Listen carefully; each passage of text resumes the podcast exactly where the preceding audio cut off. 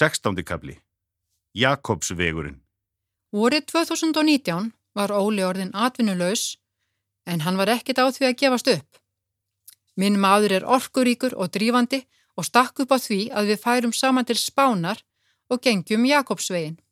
Óli hafði farið einn fimm árum áður þennan pílagrimastig sem er rúmlega 800 kilometrar þvert yfir Spán. Ég var meir en tilbúin í þetta verkefni og fyrsta dag júnimánaðar, daginn eftir útskrift jöruminnar úr MR, heldum við á stað. Við flugum til Parísar og þaðan til Biarritz sem er síðist í Fraklandi. Við komum okkur svo til Saint-Jean-Pied-du-Port þar sem flestir pílagrímar hefja gönguna. Það eru reynda til margar leiðir sem allar enda í henni heilugu borg Santiago de Compostela. Við völdum Camino Francais eða frönsku leiðina. Fyrsta dagleiðin leikur yfir Pírinæðafjöllin. Þetta eru 27 kilometrar og hæsti tindur er í 1450 metra hæð. Það voru þreytt hjón sem skjóruðu inn í klustrið í Ronsivægi þar sem reykið er gistiheimili fyrir tæplega 200 pílagrýma. Eftir messu og mat var lagst til sveps í stórum sál.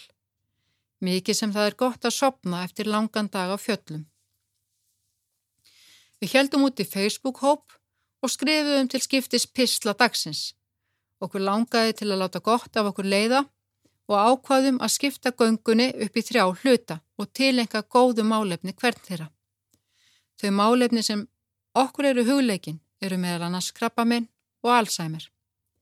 Fyrsti hlutin skildi tilengaður krafti og við kvöttum fylgjendur okkar til að leggja sitt af mörgum. Um þúsund manns fylgdust með okkur á Facebook, bæði vinir og ókunnugir.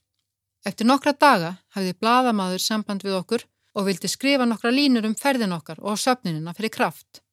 Okkur fannst það í lægi og vildum endilega vekja aðtikli á málefninu. Lítil grein byrtist í morgunbladinu og ekki stóð á viðbröðum. Morgunbladið hefur toppað einhvern skala af síðblindri gerenda meðvirkni, var fyrirsögn í DFF. En þar var vitnað í Facebook skrif baróttu konunar Elisabetar Írar Alladóttur.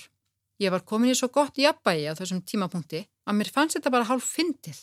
Ég hefði samband við kallabróður og stakku upp á að ég myndi bara deila þessari frétt. Hann saðist einfallega ekki hafa jafn mikinn húmor fyrir þessu og ég. Þetta væri gerst neitt allri mennsku sem það er. Þegar ég les þess að defa frétt núna, mörgum mánuðum setna, tekur það á. Í Facebook fæslu sinni segir Elisabeth Ír. Í fréttinni eru fjölskyldumyndir og mynd af parinu saman. Afskaplega fallegt og vennjulegt eitthvað. Engar myndir af skrimslum að sjá. Ímynd hans er mýkt og brot hans gerð ósýnileg. Hann gerður að fórnalampinu jafnvel. Nei, engar myndir af skrimslum. Við erum ekki skrimsli og þó svo við værum það myndi það öruglega ekki sjást á ljósmynd. Ég var á staðnum, heima hjá mér, í mínu húsi þegar barnsmóður mannsins míns réðist í sturlunar ástandi inn á heimilið á samt sambílismanni sínum. Hún réðist á manni minn, hún réðist á mig, hún var kærð en snýri vörðin í sók, kærði okkur og hvort sem það var með fulltingi einhverja innan lauruglunar eða samfélagsviðmiða sem upphefja konur ætið í málum sem þessum, þá var húsbrotið hennar, sem sannarlega var framið, látið niður falla en við hjónin, kærið, fyrir upplögnar sakir. Já, ég var á staðnum, ég sá hvað gerðist, ég fann spörk Aleksandru dinja á mér. Ég man ekki til þess að Elisabeth Ír Alladóttir hafi verið viðstött. Nú ferðin helt áfram og þetta uppþótt í devaf sem að sjálfsögðu leti til óteljandi mismálefnalegra aðtúasemda nærbjúsna rittarana, eins og vinkona mín kallar virka í aðtúasemdum, vekur tilveru okkar vegna mun alvarlegri atbyrðar. Við komum í gistihús í þorpinu Retisía de Camino á lögadags síðdegi eftir tæplega 50 km göngu. Óli hafði pantað herbyggi á litlu einnarstjórnu hóteli en fyrstu sex dagana hafðum við gist í albergjum eða farfuglaheimurum. Þegar við komum í bæin sem hóteli átt að vera í var það alls ekki þar, heldur tíu kílometra í burtu. Eftir kaffu með því ákvaðum við að leggja í þessa tíu kílometra. Þetta tók tvo tíma og lítill hundur fylgdi okkur megnið af leðinni. Okkur fannst herbyggið okkar á hótelinu dásamlegt. Bara sá munaður að hafa sér baðherbyggi og handklæði glattu okkur. Við vorum rétt búin að koma okkur fyrir þegar Kalli bróður hafið samband og saði mér að mamma, sem var veika af Alzheimer, væri hægt að nærast og endarlókin virtust vera að færast nær. Svona hljóðaði pistill minn á kvítasunnudag. Á veginum er hitt óvænta alltaf handan við hornið. Við urðum átreifanlega vör við það þegar við fengum frettir frá Íslandi á lögadarskvöldið um að helsu móður minnar hafi hrakað mjög. Mamma greindist með Alzheimer sjúkdóminn um sjötugt fyrir sex árum. Það er einkennileg tilviljun að á göngunni löngu á lögardeginum hafði ég hlustað á einstakt viðtal Snorra Björns við Kristján Gíslason, ringfaran svo kallaða. Kristján fór á móturhjóli kringum hnöttin en hann þurfti að gera hlýje á tíu mánuða fersinni vegna andláts föður síns. Nú stóðum við fram yfir þessari ákverðun að hætta göngunni og fara heim til mömmu. Við vorum stött á litlu fjölskyldureknu gistuhúsi í Retesia del Camino og fengum strax liðsynni eina enskumælandi fjölskyldumælimsins til að finna leið heim.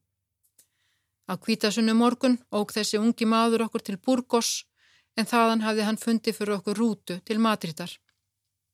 Við fórum inn í hinna stórkoslegu dómkirkju í Burgos, skoðuðum dyrðina og hugsuðum heim.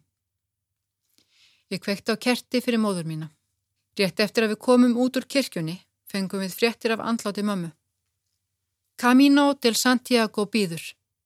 Við munum klára gönguna við fyrsta tækifæri.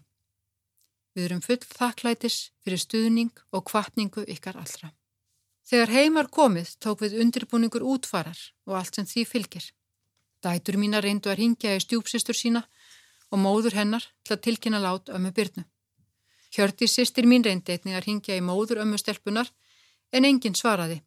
Í raun og veru veit ég ekki hvort stjúpdóttur mín hefur ennfengið fregnir af því að amma hennar sé dáin. Þær voru alltaf svo miklar vinkonur, litla og mamma mín. Mamma talaði oft um það að litla hefði strax kallað hana ömmu. Þegar mamma veiktist af Alzheimer síndi litla ömmustelpan umhyggju eins og henni einni var lægið. Hún var svo blíð og góð þessi stelpa.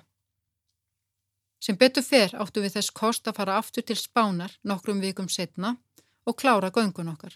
Við byrjuðum þar sem fráar horfið í Retesia del Camino og gengum 17 daga í viðbót. Það er ekkert betra fyrir sálina en að taka haustlega á.